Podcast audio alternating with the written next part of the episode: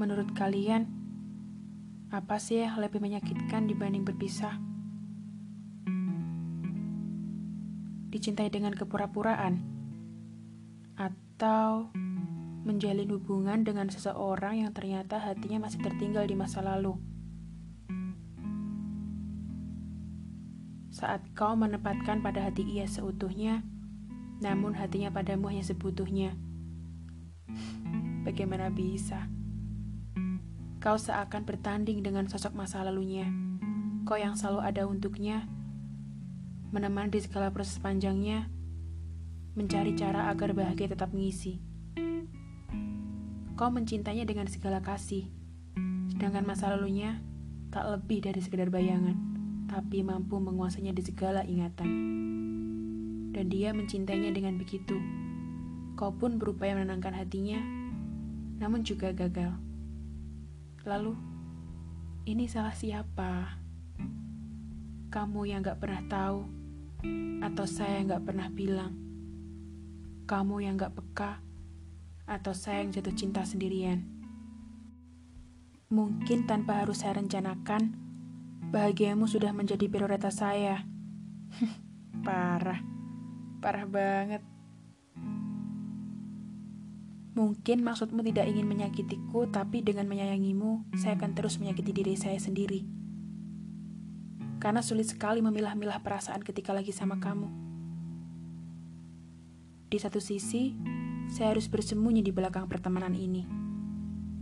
Di satu sisi yang lain, sisi yang lebih mendominasi, saya ingin sekali kamu lihat, kamu pedulikan perasaannya, kamu tanyakan maunya apa. Dan ternyata dan ternyata saya nggak sanggup. Saya selalu bertanya pada diri saya sendiri, kamu sebenarnya layak saya jadikan tokoh utama di cerita saya, atau saya yang hanya jadi bahan pelengkap di cerita kamu? Tiap hari, tiap hari saya selalu mencari letak salah saya. Ternyata benar ya, kata orang-orang di luar sana. Gak semua hati bisa berumah.